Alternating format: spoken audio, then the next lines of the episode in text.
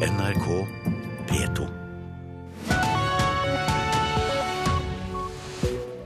Dette er Nyhetsmorgen, og vi fortsetter med disse sakene. Snarvei til Norge fjernet. UDI mente innvandrere jukset seg inn i landet. Politikerne bør blande seg inn i lærerkonflikten, mener SV-leder Audun Lysbakken. Norge og USA utvider det militære samarbeidet, og vi skal høre at et nazihovedkvarter skaper konflikt om matjord i Hedmark. Regjeringen har stanset en snarvei for faglærte arbeidsinnvandrere som vil søke jobb i Norge. Flere tusen utlendinger har kommet hit takket være ordningen, som har vært omstridt. UDI mener folk har misbrukt den og jukset seg inn i landet på falskt grunnlag. Et av kravene var at de skulle gå norskkurs. Bleier? Hva er bleier? Ikke si det på engelsk, si det på norsk. Forklar hva bleier er. Glosene terpes i et møterom. Utlendingene her vet at norskkurset kan være avgjørende for å få jobb. Oppmøte på slike kurs var ett av kravene for at utlendinger med relevante fagbrev i bagasjen skulle slippe inn til Norge. Hensikten?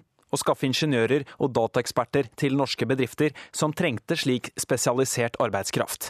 Men svært få av de som kom, fikk jobb. Det vi ser er at mange av de som kom, ikke fikk seg jobb som faglært, slik hele poenget med ordningen var. Sier Hanna Krange, som jobber i ledelsen ved avdelingen i UDI som gir oppholdstillatelser.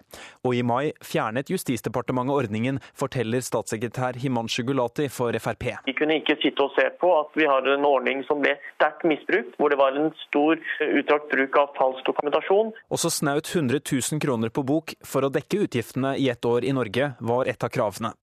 Men alt tyder på at bakmenn har hjulpet søkerne med å flytte store pengebeløp fram og tilbake mellom søkernes bankkontor. Samme pengebeløp som da skulle dokumentere opphold for én søker, ble tatt ut av vedkommendes konto idet det var gitt tillatelse, og flyttet over på neste søkers konto. Dette er tredje gang på halvannet år at myndighetene må stanse en ordning ment for slike arbeidsinnvandrere pga. misbruk. Statssekretær Himanshu Gulati sier til NRK at UDI, som behandler søknadene, mente det ville bli svært vanskelig å avdekke misbruk av ordningen, og at det var en av grunnene til at de stanset den. Vi fikk tilbakemeldinger fra de som behandler disse søknadene, om at det ville være svært vanskelig og svært ressurskrevende å hindre og avdekke bruk av falsk dokumentasjon og misbruk av ordningen.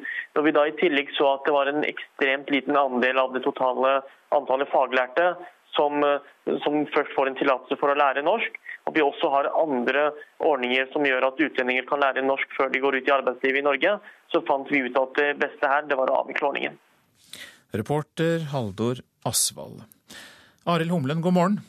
God morgen. Du er advokat med lang erfaring fra bl.a. utlendingsrett. og Hva syns du om at regjeringen fjerner ordningen? Ja, Det er jo et tilbakeskritt i forhold til et dynamisk arbeidsliv som trenger ordninger for å skaffe seg spesialkompetanse. Men så hørte vi her at mange har utnyttet den ved at de har levert falske papirer, og penger har blitt flyttet fra den ene kontoen til den andre for å vise at de har penger nok til opphold. Dermed så betyr vel det at ordningen ikke fungerer?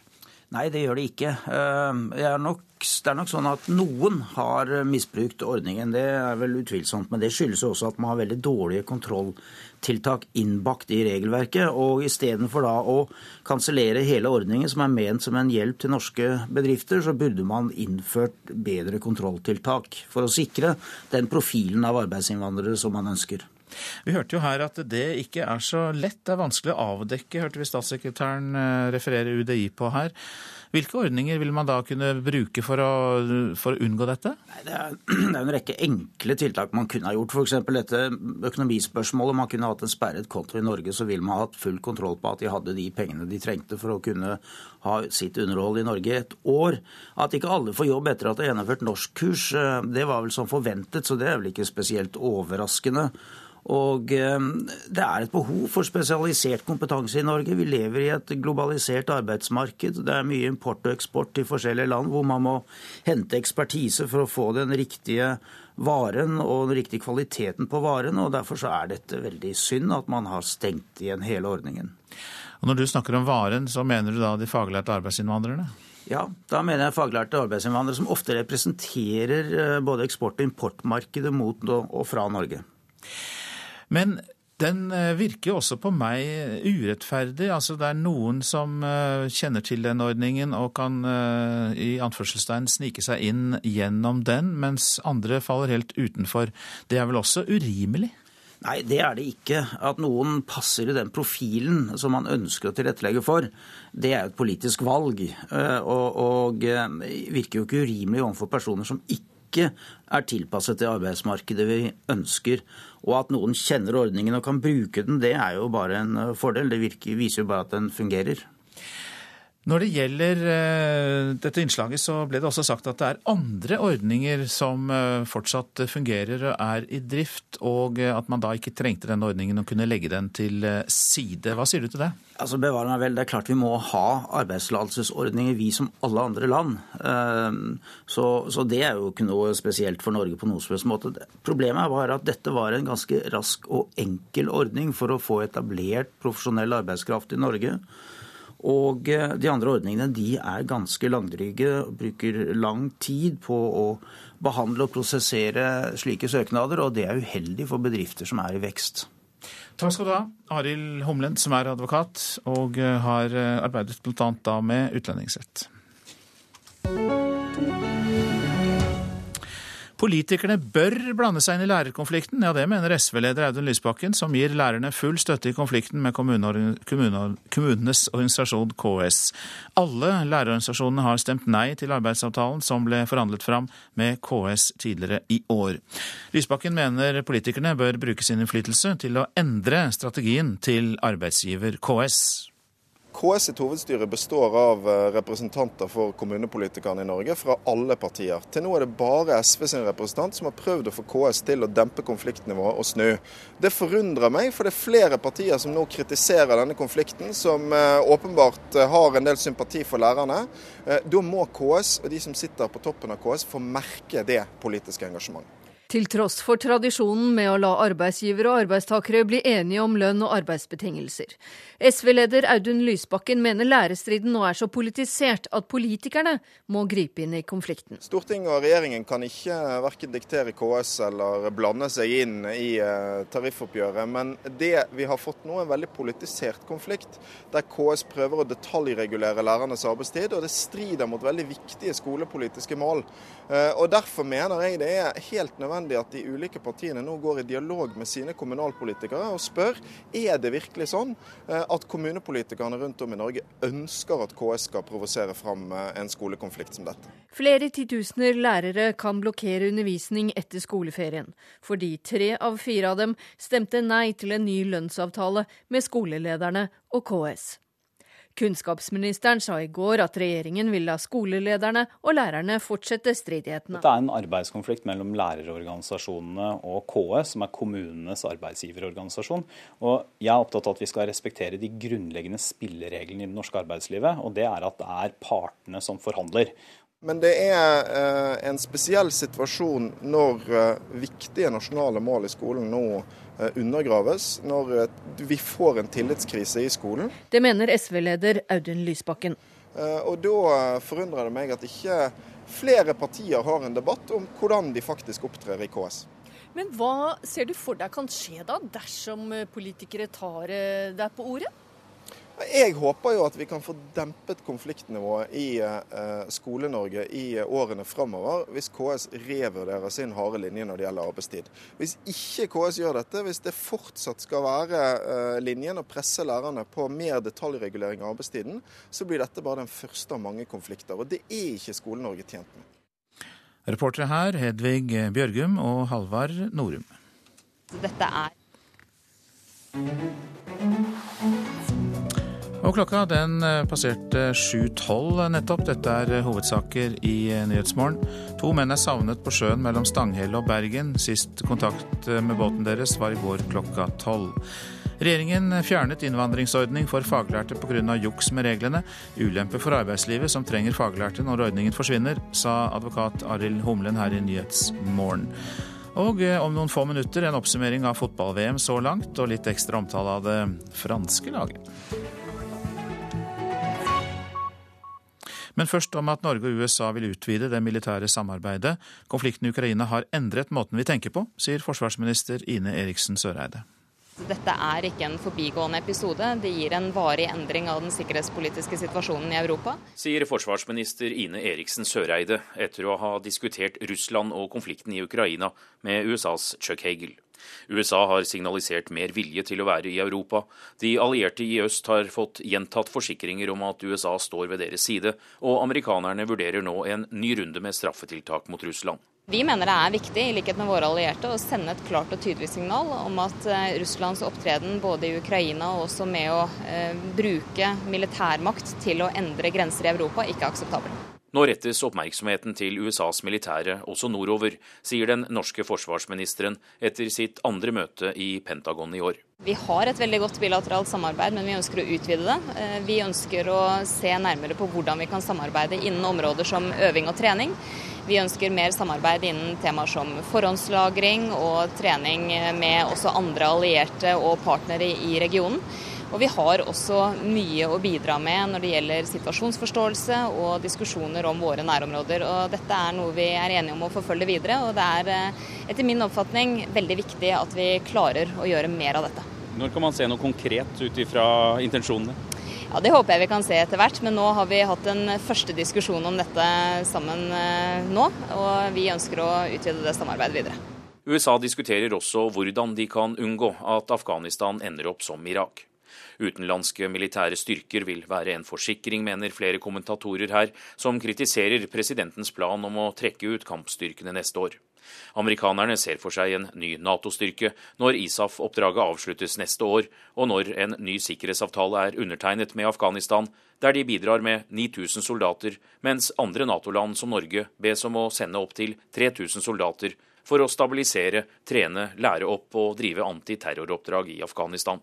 Det er jo et, etter vår oppfatning viktig at vi alle bidrar til både en forsvarlig avslutning av ISAF-operasjonen og finne gode rammer for en deltakelse i Resolute Support Mission. Norge har ikke tatt noen beslutning ennå. Vi har planlegging for alle alternativer, både å ikke bidra og å kunne bidra. Norge har i dag 120 militære i Afghanistan. Forsvarsminister Ine Eriksen Søreide er her i Washington et par dager til, før turen går til New York og FN. Neste uke skal hun til Hawaii. En norsk fregatt seiler halve kloden rundt til Stillehavsregionen for å delta i verdens største militærøvelse til sjøs.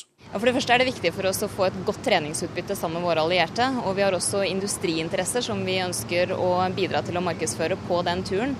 Men først og fremst er dette et politisk signal fra Norge om at vi har interesse for de sikkerhetsutfordringene som finnes i Asia- og stillehavsregionen.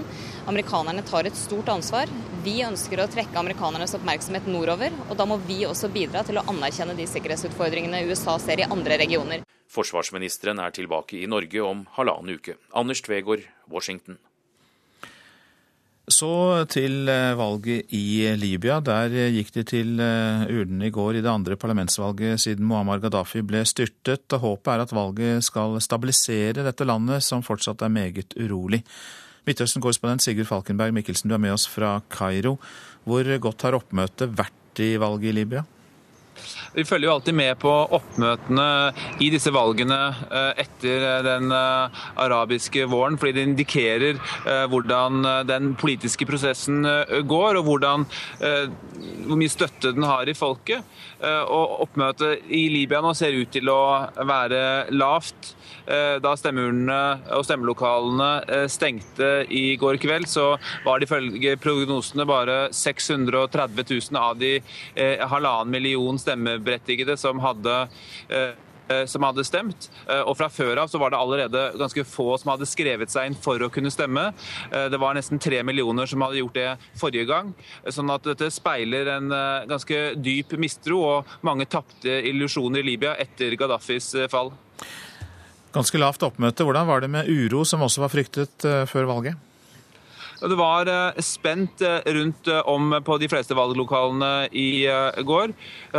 Og det var uro i landets nest største by, Benghazi, øst i landet som jo sliter både med sterke islamistgrupperinger og også noen separatistgrupperinger som ønsker større selvstyre for den østlige regionen. Det var et angrep på soldater som skulle sikre stemmelokalene.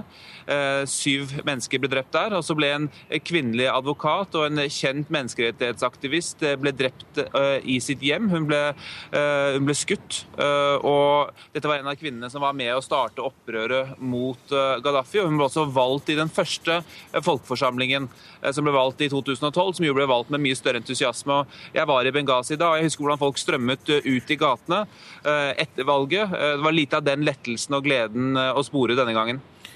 Er det realistisk at dette valget bidrar til å stabilisere Libya? Så langt så er det lite som eh, tyder på det.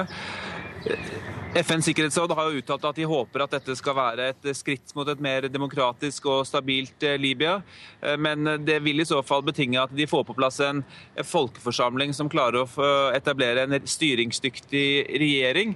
Og Noe av kritikken som har vært reist mot dette valget, eh, har vært at de individene som, eller de politikerne som stiller til valg, ikke alene er tunge nok, men at de heller representerer forskjellige interesser, om det skal være militser eller krigsherrer eller stammeledere. For denne gangen er det ingen partier som eh, stiller, det er bare enkeltkandidater. I motsetning til forrige gang, hvor jo de liberale partiene eh, fikk et flertall eh, over de, de islamistiske partiene. Takk skal du ha, Sigurd Falkenberg Mikkelsen, som rapporterte fra Kairo.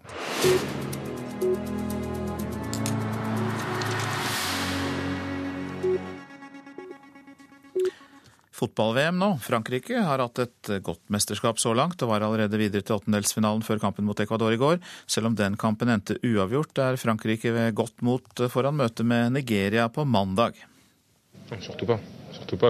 Vi er veldig fornøyde. Vi tapte jo ikke, og vi er veldig glad for topplasseringen i gruppen. Det sier Frankrikes Paul Pogba. Stanger franskmennene, og det er god heading. Keeper får kastet seg og fikla den ballen til hjørnespark. Selv om det ikke ble noen mål i kampen mot Ecuador, har Frankrike vært sterke i gruppa, med en 3-0-seier over Honduras og 5-2-seier over Sveits. Nå venter Nigeria i åttendedelsfinalen, og trener Didier Deschamps vet det blir en tøff kamp. On a encore, jeg skal analysere laget godt i tiden fremover. De er solide, og jeg vet det vil bli en tøff kamp. Men det vil det bli for dem også. Reporter Emilie Hall Torp, og så legger vi til at Sveits vant 3-0 over Honduras også i går, på samme tid. God morgen, Stig Marius Torbjørnsen. Takk, takk. Du er talentspeider for eh, Rosenborg, og eh, jeg har lyst til å snakke litt om Frankrike med deg. Eh, de er jo da klare, mens Italia, Spania, England er ute. Så hva er det med Frankrike i år? Ja, de har et veldig godt fotballag, som vi har sett på TV nå. De har gode spillere. De har kanskje det beste spissparet, syns jeg, med Benzema og Giroud. De har dobbel dekning på alle plasser. De har flere muligheter å velge i. Eh, men det er nok én ting, det vi ser på banen av hva de presterer. En annen ting som, er, eh, som jeg tror er kanskje enda viktigere, er at det franske fotballforbundet etter skandalen i 2010 de gjorde en total renovasjon eh, mer eller mindre på hele innstillingen og samholdet og, og ville ha en helt annen retning de følte det var en meget stor skam, rett og slett, å, å vise sitt eget land fra den siden de gjorde da. Med det opprøret og Anelka, Nasri, Evra var vel også med i den der eh, lille skandalen der. Så de har valgt å gå en helt annen vei. De vil ha samhold, de vil vinne tilbake folket. Og det har vært viktigere for dem faktisk enn å vinne VM akkurat nå. Selvfølgelig vil de vinne VM, men akkurat nå så er det viktigere for dem å få tilbake folket, spesielt i Frankrike, eh, men også worldwide. Spillebussen har også fått gjennomgå? Ja, de, de, gjorde faktisk en, et trekk der. De ville vise folket hvor, hvor, hvor sterkt de faktisk var imot deres egen prestasjon. Så de vraket spillebussen eh, nesten offisielt. De, de mosa den som eh, gjør, og de lagde en, en, skulptur av hele bussen. Og den er faktisk blitt donert til, til et akademi i Senegal. Så de ville bare eh, forsterke den nye, nye linjen de ville legge seg på ved å skrote spillebussen, få den ut av verden og, og, ja, og vise at vi, går, vi tar avstand fra det selv, og vi går eh, en ny og bedre vei eh, til neste VM. Så tydelig kan det sies. Hvordan tror du det går med Frankrike? Kan de ende opp i finalen, da? eller? Ja, de kan jo for så vidt det. Som jeg var inne på i starten her. De har et godt lag, og de har syns synes jeg, da det beste spissparet. Og Benzema legger an han har fire mål allerede og kan skåre flere. Giroud har vært veldig god i VM, synes jeg. Bedre enn i Premier League. Bekknere syns jeg er fantastiske. De har tre gode stoppere, en god keeper. Fleste spillerne, og det har Pogba ikke minst, i Juventus. De, har, de fleste spillerne deres har spilt regelmessig på et høyt nivå i hele år. Det har ikke vært mye reserver som har uh, tredd, uh, vært ut og inn. De har et lag som spiller mye i Premier League, på gode klubber. Og det tror jeg også er viktig for om, om de kan nå så langt som til finalen. Så har jeg lovt lytterne litt uh, favorittips. hvilke andre land tror du ligger an til å ende opp i finalen? Nei, Det er vel som veldig mange spekulerer i. og Brasil og Argentina er jo de kanskje de to sterkeste lagene. og Jeg hadde liten, faktisk, liten, liten, litt tro på Italia, for de, har, de var ubeseiret gjennom kvaliken og er et mesterskapslag med Pirlo og en Balotello i form også. Men de røyk jo, ikke dessverre for meg, men de, de røyk ut. Så jeg har ikke noe mer Costa Rica har vært veldig god, men de går nok ikke til finalen. Men nei, Brasil og Argentina er vel naturlige favoritter her. Vi kommer ikke unna til slutt. Eh, Luis Suárez, eh, hva kommer til å skje med han etter bittet? Det skal vel ikke jeg bedømme, men jeg håper det skjer noe. Han har, fått, uh, han har fått straffe for det før. Han fikk syv eller åtte kamper i Holland og gjorde det samme. Han fikk ti kamper i Premier League, og hva han får nå av Fifa, det klarer ikke jeg svare på, men jeg håper det blir noe av det samme. Han kan få faktisk flere år. Vi kan ha sett Suárez i sitt siste VM, faktisk. Neste VM er om fire år, og Uruguay skal også kvalifisere seg. Og han kan få han, Det er ikke sikkert han faktisk får spilt mer i VM pga. det idiotiske han har gjort for tredje gang i sin karriere. Og For dere som ikke følger med på VM, så var det altså det at han beit en italiensk spiller i eh, skulderen. Takk i denne omgang, Stig Marius Torbjørnsen, som altså er talentspeider for Rosenborg. Vi får snakke om Rosenborg en annen gang. Det er alt i orden. Takk skal du ha. Ha det. Så skal jeg se litt på hva avisen har på dagsordenen i dag. Ap-Hadia og Høyre-Stefan pryder VGs forside, for lørdag gifter nemlig Hadia Tajik seg med Stefan Heggelund. Vielsesstedet er hemmelig, det er fotoforbud i bryllupet, gjestelisten er ukjent, når de to unge stortingsrepresentantene fra hvert sitt parti inngår ekteskap. Ni år gamle Adam ble nektet ryggoperasjon fordi familien ikke har opphold i Norge. Men i går ble den russiske gutten likevel operert. Regelverket ble først tolket for strengt, forteller Vårt Land. Men Barnekonvensjonen og norsk lovverk gir likevel Adam rett til helsehjelp. Stortingslønna er ikke nok til å betale formuesskatten. Tidligere Arbeiderpartistatsråd Lisbeth Berg-Hansen eier oppdrettsanlegg og tar gjerne av utbytte for å betale formuesskatt, men sier til Dagens Næringsliv at formuesskatten bør endres, slik at personer som eier produksjonsutstyr, ikke må betale mer enn de som har eiendom hoteller som har lavere skatteverdi. Jeg er livredd for naboene og forsøker å kamuflere at jeg er sunnimuslim, forteller en irakisk student i Bagdad til Aftenposten. Han frykter for hevnaksjoner etter at den sunnimuslimske ekstremistgruppen erobret store deler av Irak. Norge bidrar mindre til humanitære kriser, skriver Bergens Tidende. Mens Norge og nordmenn bare blir rikere, bruker vi stadig mindre penger på nødhjelp og humanitære kriser. Så verden er blitt kaldere, og det er feil å prioritere slik at eh, den livreddende hjelpen uteblir, sier Jan Egeland i Flyktninghjelpen. Arbeiderpartiet åpner for eiendomsskatt i Oslo. Toppkandidat Libe Ribermoen avviser ikke lenger at partiet kan komme til å gå inn for denne omstridte skatten, kan vi lese i Klassekampen. Tall fra Statistisk sentralbyrå viser at stadig flere kommuner velger å innføre eiendomsskatt.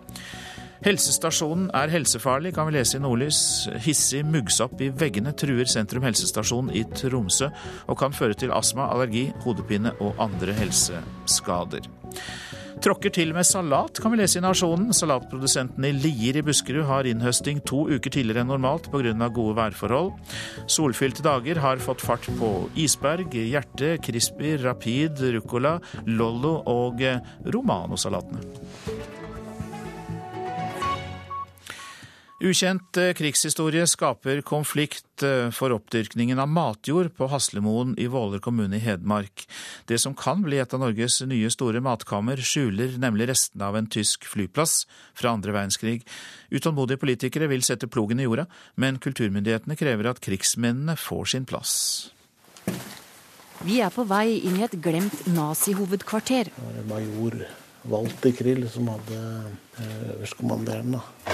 Kommandobunkeren er et synlig merke etter en tysk storflyplass fra annen verdenskrig. Så vidt jeg veit, så er dette bortimot det siste anlegget i Norge etter tyskere når det gjelder flyplass, som er bortimot urørt.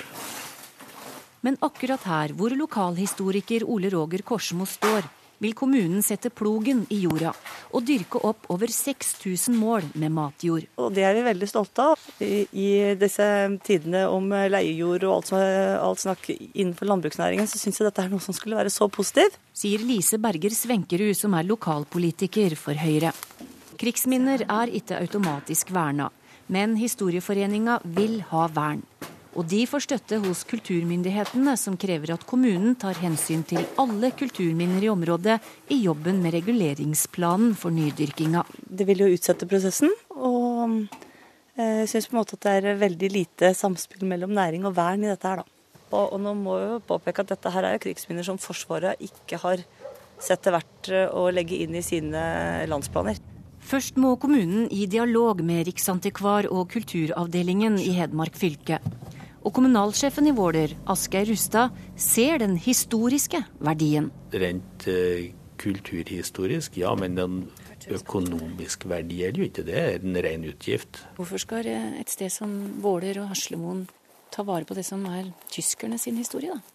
Det er jo tyskerne sin eh, del av historien, er jo også en del av krigen. Hvis vi fjerner alt som har med innovasjonsmakten og tyskerne og sånn, så sitter vi igjen egentlig bare med helter. Som, og som, da har jo til slutt ikke heltene noen motstander. Og da, da blir også heltene borte, hvis eh, vi fjerner det som faktisk heltene kjempet imot.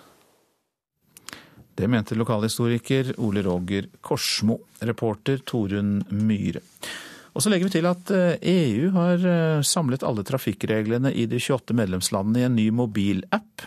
Målet er å bedre trafikksikkerheten, og det kan jo være nyttig til sommeren å vite svar på fartsgrenser og trafikkskilt, og hvor det er forbudt å snakke i mobiltelefon osv. i de forskjellige EU-landene.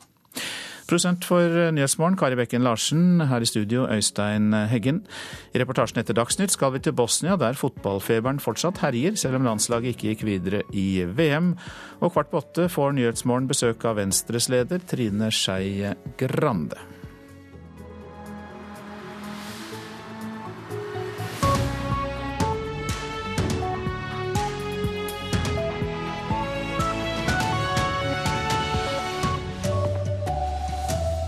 Altfor mange har jukset seg inn i Norge, mener regjeringen som strammer inn omstridt ordning.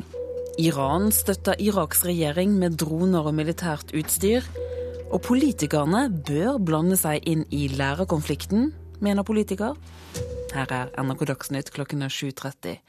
Regjeringen har stanset en omstridt snarvei for faglærte arbeidsinnvandrere som vil søke jobb i Norge, Takket være ordningen har flere tusen utlendinger kommet til Norge, men UDI mener det er mange som har jukset seg inn i landet.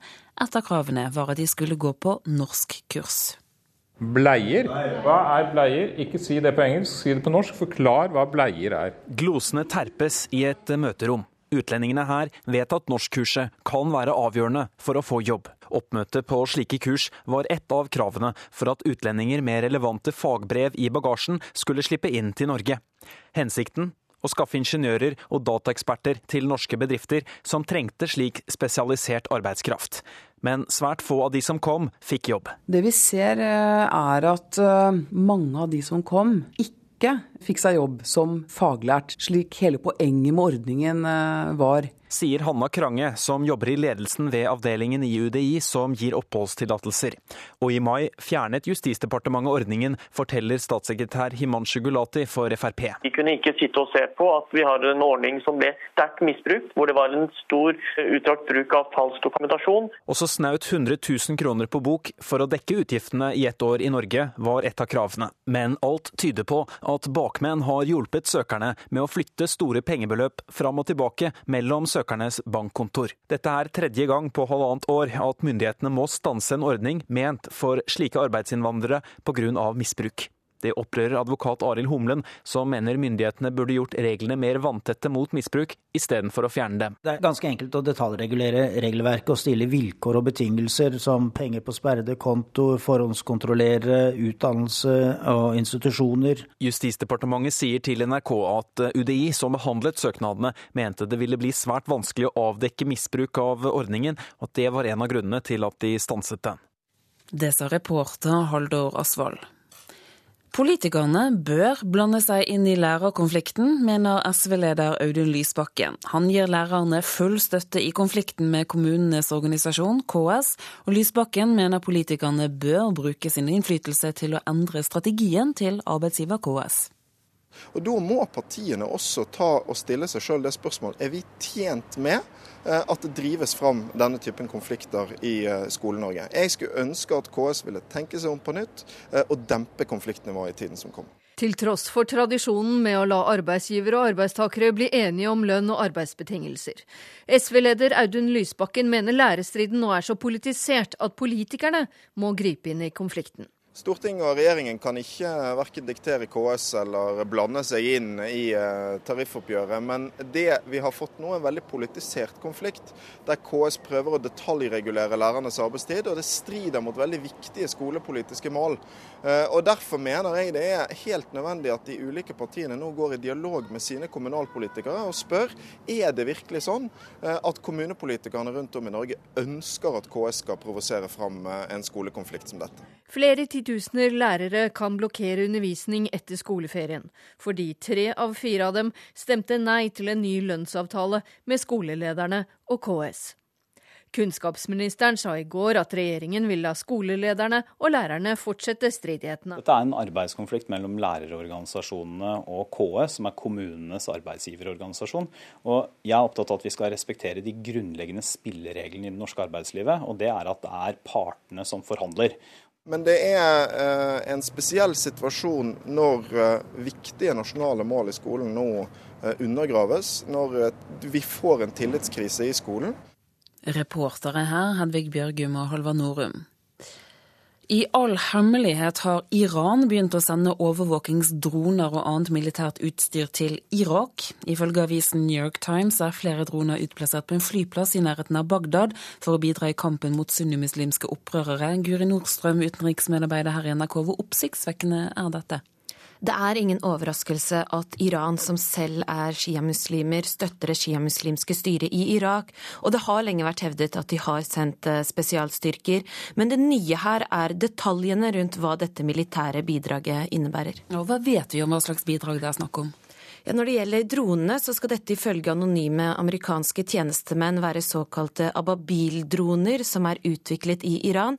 De er ubevæpnet og skal altså brukes til overvåkning. I tillegg til dronene skal Iran også ha sendt etterretningsspesialister som nå overvåker kommunikasjonen mellom de sunnimuslimske opprørerne i ISIL, og militære styrker som skal hjelpe den irakiske regjeringshæren med å rekruttere nye soldater, skal det også være på plass. Hva sier USA? Det interessante her er at USA og Iran har en sjelden felles interesse i denne konflikten. Begge land ønsker jo å hjelpe Iraks statsminister med å slå ned de islamistiske opprørerne i ISIL. Men eh, selv om de er enige om målet, så har de likevel ulik motivasjon for å engasjere seg. USA ønsker at det dannes en nasjonal samlingsregjering på tvers av religiøse skillelinjer. Iran derimot engasjerer seg for å støtte det sjiamuslimske styret mot de sunnimuslimske opprørerne. Guri Nordstrøm, takk skal du ha. Norge og USA vil øke det militære samarbeidet seg imellom. Konflikten i Ukraina har endret måten å tenke på. Det sier forsvarsminister Ine Eriksen Søreide. Dette er ikke en forbigående episode. Det gir en varig endring av den sikkerhetspolitiske situasjonen i Europa. Sier forsvarsminister Ine Eriksen Søreide etter å ha diskutert Russland og konflikten i Ukraina med USAs Chuck Hagel. USA har signalisert mer vilje til å være i Europa. De allierte i øst har fått gjentatt forsikringer om at USA står ved deres side, og amerikanerne vurderer nå en ny runde med straffetiltak mot Russland. Vi mener det er viktig i likhet med våre allierte, å sende et klart og tydelig signal om at eh, Russlands opptreden både i Ukraina og også med å eh, bruke militærmakt til å endre grenser i Europa, ikke er akseptabel. Nå rettes oppmerksomheten til USAs militære også nordover, sier den norske forsvarsministeren etter sitt andre møte i Pentagon i år. Vi har et veldig godt bilateralt samarbeid, men vi ønsker å utvide det. Eh, vi ønsker å se nærmere på hvordan vi kan samarbeide innen områder som øving og trening. Vi ønsker mer samarbeid innen temaer som forhåndslagring og trening med også andre allierte og partnere i regionen. Forsvarsministeren er tilbake i Norge om halvannen uke. Anders Tvegård, Washington. Det er fullt mulig å stille krav til responstid for ambulansetjenesten, mener Kristelig Folkeparti. Helseministeren vil ikke sette noe fast tid på hvor mye tid ambulanser skal bruke før de når frem til pasienten. Jeg syns vi skal ha et krav på responstid eh, innen både ambulanse og luftambulanse. Sier KrFs helsepolitisk talskvinne Olaug Bollestad. Det kravet det har, kommer politiet med til høsten for deres del. Brannvesenet har det. Så jeg tenker dette er elementært i norsk helsevesen. I Norge finnes det ikke krav til hvor fort en ambulanse skal rykke ut ved akutte hendelser, kun veiledende mål. I går fortalte Dagsrevyen at målene Stortinget har vedtatt, ikke blir nådd. Nå vil både ambulansepersonell og eksperter ha klare krav til hvor lang tid de skal bruke. Statssekretær i Helse- og omsorgsdepartementet Anne Grete Erlandsen sier det pågår et større arbeid for å forbedre responstiden. Det jobbes hver eneste dag med å forbedre svartiden på telefon på 113. Det jobbes hver dag med å sørge for at tiden før ambulanse er på plass er bedre. I tillegg så er det slik at neste år kommer det et arbeid hvor vi får eh, flere tiltak for å forbedre tjenesten ytterligere. Reportere her var eh, Irina Kjelle og Marie Roksund. Så til eh, fotball-VM og til de to profilene, Messi og Neymar. Begge gikk inn i mesterskapet med et voldsomt press, og begge har levert. I går gikk Messi og Argentina til åttendedelsfinale etter 3-2-seieren mot Nigeria.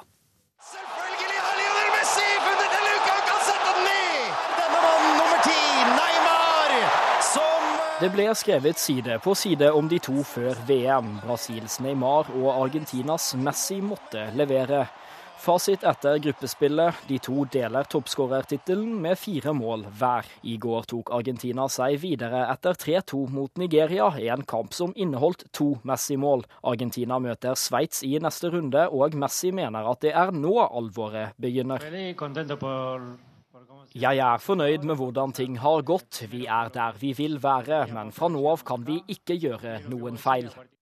Så er det altså slik at Argentina og Messi møter Sveits i neste runde. Brasil og Neymar de møter Chile, og reporter her, det var Henrik Agledal. Ansvarlig for Dagsnytt nå, det er Gro Arneberg. Teknisk ansvarlig Marianne Myrhol, og her i studio Turi Grønbekk.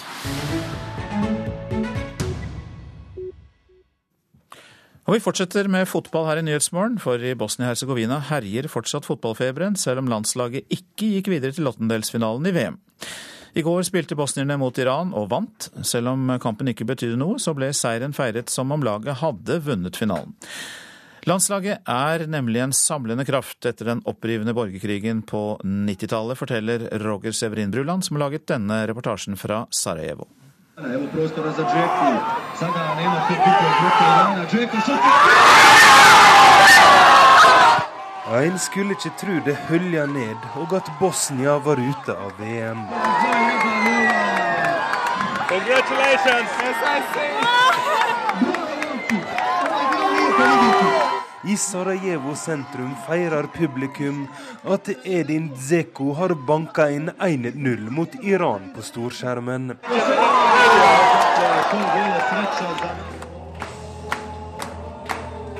Ved residensen til den norske ambassaden er det også fotball på storskjerm. Her er det NRK det går i, med norsk kommentar. Mange av de lokalt ansatte ved ambassaden har bodd i Norge og kan litt norsk. Blant de mest fotballinteresserte er en av sjåførene til ambassadøren. Han er stolt over at det bosniske landslaget klarte å kvalifisere seg til VM. Vi er veldig heldige da vi kom på VM. ikke sant? Og da vi tapte mot Argentina 2-1, det, det var ikke noe tragedi. Ingen tragedie å tape mot Argentina. Likevel, Bosnia har vært uheldige. Og tapet mot Nigeria svei kanskje mest, innrømmer den fotballinteresserte sjåføren. Forrige kamp mot Nigeria vi hadde ikke. Flaks hadde, det, det er dårlig dommer. Mot Nigeria laga Bosnia sjølvmål, samtidig som dommeren gjorde feil og annullerte ei rettmessig skåring. Men trass at det er litt skuffende å ikke gå videre til åttendedelsfinalen. Det er ei bragd at det krigsherja og splitta landet i det hele har et landslag. For noen år siden fantes det ikke engang et nasjonalt fotballforbund, fordi de etniske fraksjonene ikke klarte å enes om hvem som skulle være fotballpresident. Nå bidrar det bosniske landslaget til nasjonsbygging og forsoning. Spillere fra både den serbiske republikken og føderasjonen er med. Men det finnes fremdeles krefter i Bosnia som motarbeider det multietniske fotballsamarbeidet. I Mostar, den kroatiske delen av Bosnia, brente vandaler det bosniske flagget da Kroatia vant en kamp. Og mange i den serbiske delstaten i Bosnia, den serbiske republikken, heier alltid på det laget som til enhver tid spiller mot Bosnia. Men hvis landslaget holder fram med å kvalifisere seg til VM og klarer å underholde publikum, vil de kanskje med tid og stunder klare å bryte ned motsetningene. For det er flott for et lite land å være med i VM. Det kan nok også vi nordmenn forstå. En, to, tre. Napred, napred, napred, Bosna! Dette er Nyhetsmorgen. Vi har disse hovedsakene. Regjeringen fjerner en snarvei til Norge. UDI mener innvandrere jukset seg inn i landet gjennom ordningen for faglærte innvandrere. Politikerne bør blande seg inn i lærerkonflikten, det mener SV-leder Audun Lysbakken. Og Norge og USA utvider det militære samarbeidet. Venstre-leder Trine Skei Grande, velkommen til deg. Tusen takk. Kan alle de fire borgerlige partiene som i disse dager oppsummerer og legger fram sine synspunkter på stortingsåret, ha rett, alle de fire borgerlige, i at de har eh, vunnet en masse på bekostning av andre? Nei, vi har vel vunnet en masse. Vi syns at vi har fått til veldig mye på både miljøsida, både på samferdsel og på viktige andre miljøgrep som Utsira og sånn. Eh, og så har vi fått til veldig mye på skolekunnskap. Og så har vi sikkert alle også tapt noen. Den eneste som sår og gjør vondt for oss i Venstre, det er tiggerforbudet, men vi har ikke gitt oss på det. Nei, la oss ta det med en gang, da. Eh, dere slapp jo til Frp i eh, regjering, så da kan dere vel kanskje skylde dere selv for at det tiggerforbudet ble vedtatt? Nei, nå må de ha et flertall i Stortinget, både regjeringa og vi, når vi skal ha gjennom viktige ting. Og her var det jo Senterpartiet som kom inn og, og redda et eh, ytre høyre-standpunkt som jeg egentlig mener tiggerforbudet. Nå kjemper Venstre imot i alle kommuner. Vi har fått stoppa her i Oslo. Et, et rykte sier at det nesten er bare Arendal igjen som, som syns at dette er et kjempestort problem som gjør at de må bryte så mange grunnleggende rettigheter for å få det til. Og så får vi se da når de kommer med et helhetlig tiggerforbud, om vi klarer å snu Senterpartiet, om vi klarer å, å snu Stortinget for å få stoppa det.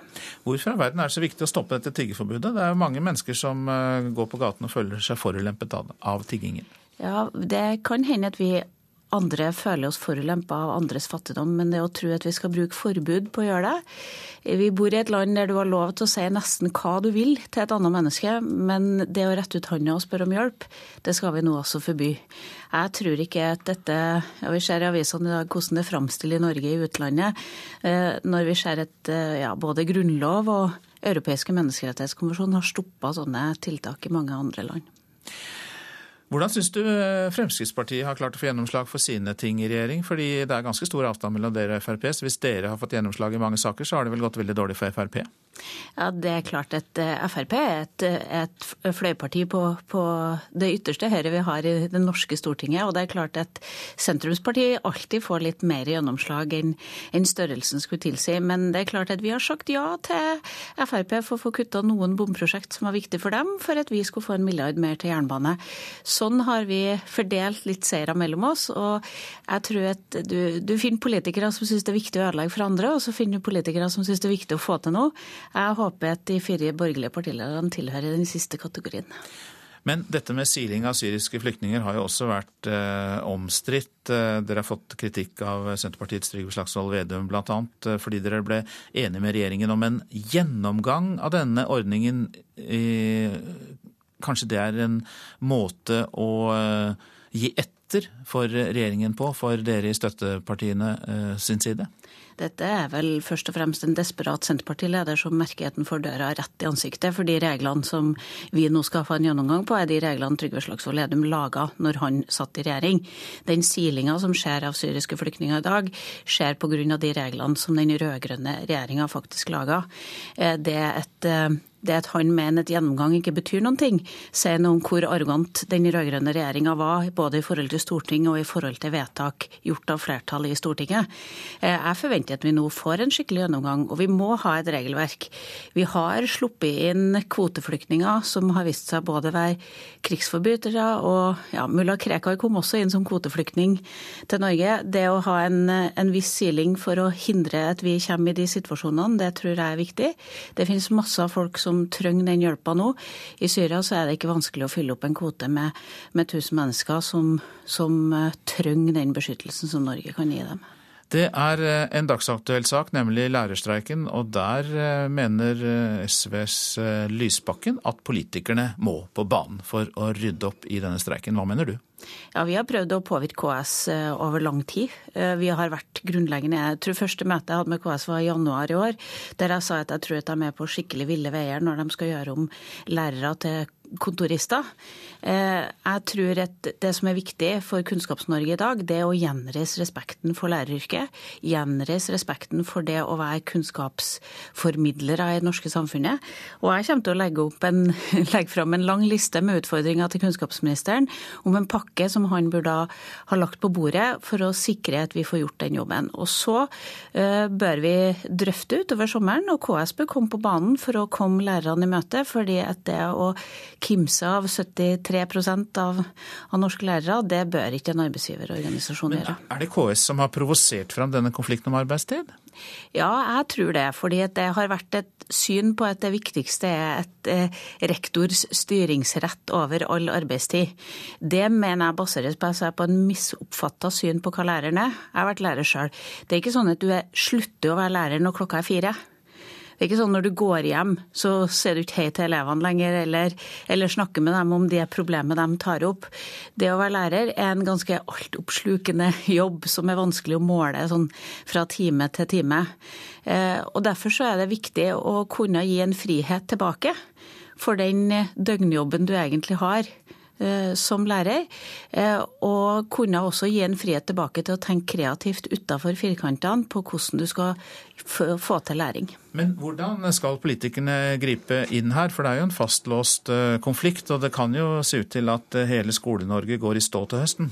Ja, nå er vi heldige i Oslo, eh, som har kjørt en helt annen taktikk. Og jeg syns kanskje at KS kan se litt på Oslo, hvordan man har utvikla det på en mye mer positiv måte, som førte til at lærerne i Oslo sa ja til det forslaget som er forhandla fram der. Og det har vi jo opplevd mange ganger. Det er veldig lenge siden. Jeg kan faktisk ikke huske at vi har hatt lærerstreik i Oslo, mens man har hatt store konfliktnivåer når det gjelder KS. Det er vel noen lyttere som er nysgjerrige på hva som er så gunstig med ordningen i Oslo. La oss ta det helt kort, da.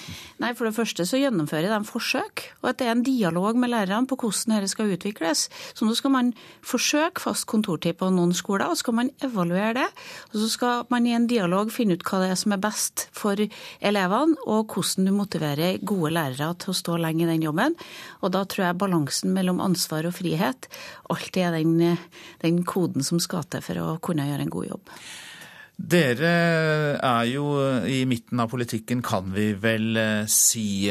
Hvorfor eh, vender dere ikke blikket mot eh, venstresiden og tenker mer på samarbeid med Arbeiderpartiet? Er det aktuelt om noen år, kanskje?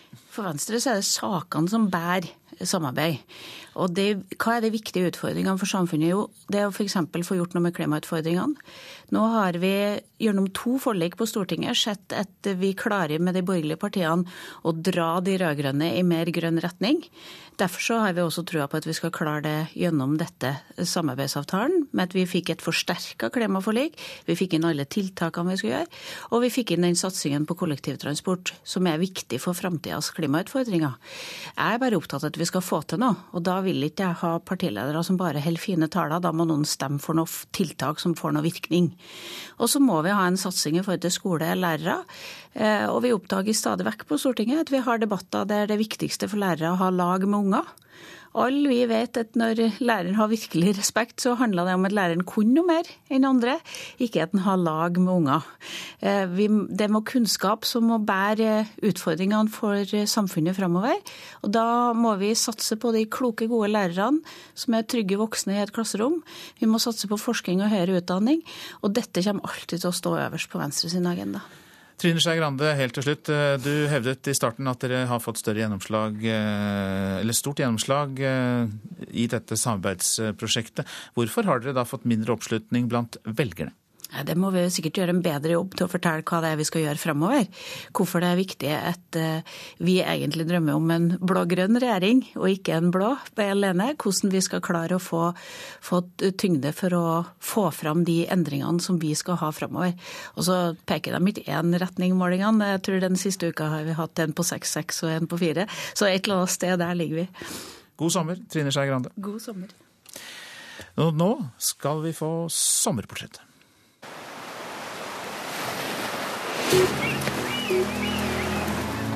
Sommerserien i Nyhetsmorgen.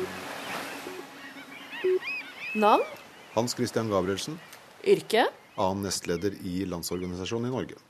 Hva skal du gjøre i sommerferien? Nå skal jeg først eh, 14 dager ned til Spania eh, for å få garantert eh, sol og varme. Så skal jeg hjem og jobbe en uke. Og så skal jeg eh, lade opp til en eh, hektisk eh, høst. Synes du Erna Solberg som regjeringssjef har gjort en god jobb? Så langt så syns jeg det er litt tidlig å begynne å dele ut uh, terningkast og karakteristikker. De har jo sittet veldig rolig i båten uh, lenge, da. Men nå ser vi jo at uh, de virkelig drar til på en del av de områdene som vi ble beskyldt for å komme med svartmaling og Eh, ikke minst eh, være helt overbekymra på en del områder i valgkampen. Det vi ser nå, det er at de faktisk eh, gjør det vi frykta at de kom til å gjøre, og det vi advarte mot at de ville gjøre. Så noe terningkast er det tidlig å, tidlig å dele ut ennå. Altså. Kronprinsparet gjør det, men kunne du sendt dine barn på privatskole? Nei. Jeg synes eh, fellesskolen er eh, et, en så viktig grunnstein i det norske samfunnet i forhold til det å fremme likhet. Eh, det å fremme de grunnverdiene som Norge er kjent for. Så, så nei, jeg kunne ikke sendt mine barn på privatskole. Hvis du fikk all makt i Norge en dag, nevn én ting som du ville endre permanent. Det er selvfølgelig fristende å si 'ingen kø på E18'. Eh, men eh, det alvorlige svaret på det spørsmålet ditt er vel mer Vi har et system i dag som gjør at når man da selger en bedrift som Entra eller Mesta, eller selger seg ned i Kongsberg Gruppen eller selger seg ned i Telenor, så blir de pengene borte. Altså De går inn i oljefondet, og så investerer vi dem ute på, i handlegater i, i London. Eh, og Det kan man selvfølgelig mene mye om, men jeg tenker at det ville jo være utrolig spennende å kunne finne en måte å anvende de pengene på en bedre måte, som kunne reinvesteres i annen type industri, annen type virksomhet. Uh, og her har vi ikke de gode virkemidlene i dag, så, så det er, tror jeg er en av de tingene jeg gjerne skulle ha endra. Hvilken statsråd i nåværende regjering synes du har gjort det best uh, så langt? Jeg synes Børge Brende har uh, har gjort en bra jobb eh, med tanke på å eh, ta opp i, forhold til konfliktene i Ukraina og Syria. Eh, så det er vel, det er vel Børge Brende jeg tenker i første rekke. Kan du nevne en person som du gjerne ville hatt med i din organisasjon? Jeg kan nevne mange. Men jeg møtte en kar her for en tid tilbake når jeg var på bedriftsbesøk, som var uorganisert. Han skulle jeg gjerne hatt med i min organisasjon. Hvem som du ikke kjenner fra før, ville du delt en kurv jordbær med? Oi, ja, det, er et, det, er et, godt spørsmål. Jeg leste en bok her for en tid tilbake som heter 'How to Make Globalization Work' eh, av Josef Stiglitz. Eh, han har noen perspektiver i forhold til globalisering og, og hvordan dette kan, eh, kan, og bør fungere, som jeg syns var utrolig interessante. Eh, han kunne jeg godt tenkt meg å, å dele litt jordbær med, altså høre litt hvordan han resonnerer og tenker. Hvem ville du vært på nachspiel med? ja, Jeg vet ikke om Stig, Når vi er ferdig med jordbærene og Stiglitz, så, så kanskje kunne vi hatt det litt moro også. Så Nei, for, for å ha hatt et morsomt nachspiel, så tror jeg Hvem skulle det vært, da? Are Kalve og Espen Bærane Holm. Da hadde det blitt et utrolig morsomt nachspiel. altså. Hans Christian Gabrielsen, god sommer. God sommer. Takk skal du ha.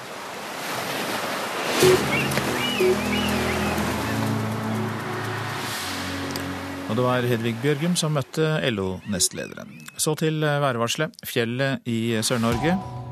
Enkelte regnbyger, vesentlig da i østlige sør for Dovre, og det kan bli torden. Østland og Telemark regnbyger, lokalt kraftige byger med torden. Få byger lengst nord på Østlandet. Agder til dels pent vær, men ettermiddagsmyger med torden i indre strøk av Aust-Agder. Vestlandet sør for Stad. På kysten nord for Sognefjorden nordlig liten kuling. Ved Stad nordøst stiv kuling. Møre og Romsdal på kysten nordøst opp i liten kuling. Opp i stiv kuling på Søre Sunnmøre. Stort sett oppholdsvær og perioder med sol. Trøndelag enkelte regnbyger. Fra ettermiddag kan det bli torden i grensetraktene. Nordland, i Lofoten og Vesterålen periodevis liten kuling. Enkelte ettermiddagsbyger i indre strøk av Helgeland. Ellers opphold og perioder med sol. Troms enkelte regnbyger på kysten i nord, ellers opphold og perioder med sol. Finnmark enkelte regnbyger i kyst- og fjordstrøkene, ellers oppholdsvær.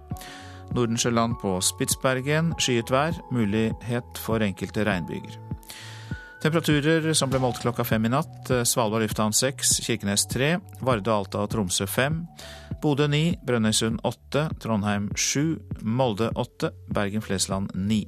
Stavanger åtte, Kristiansand 9, Gardermoen og Lillehammer elleve, Røros 3 grader, og så var det Oslo-Blindern med 13 grader.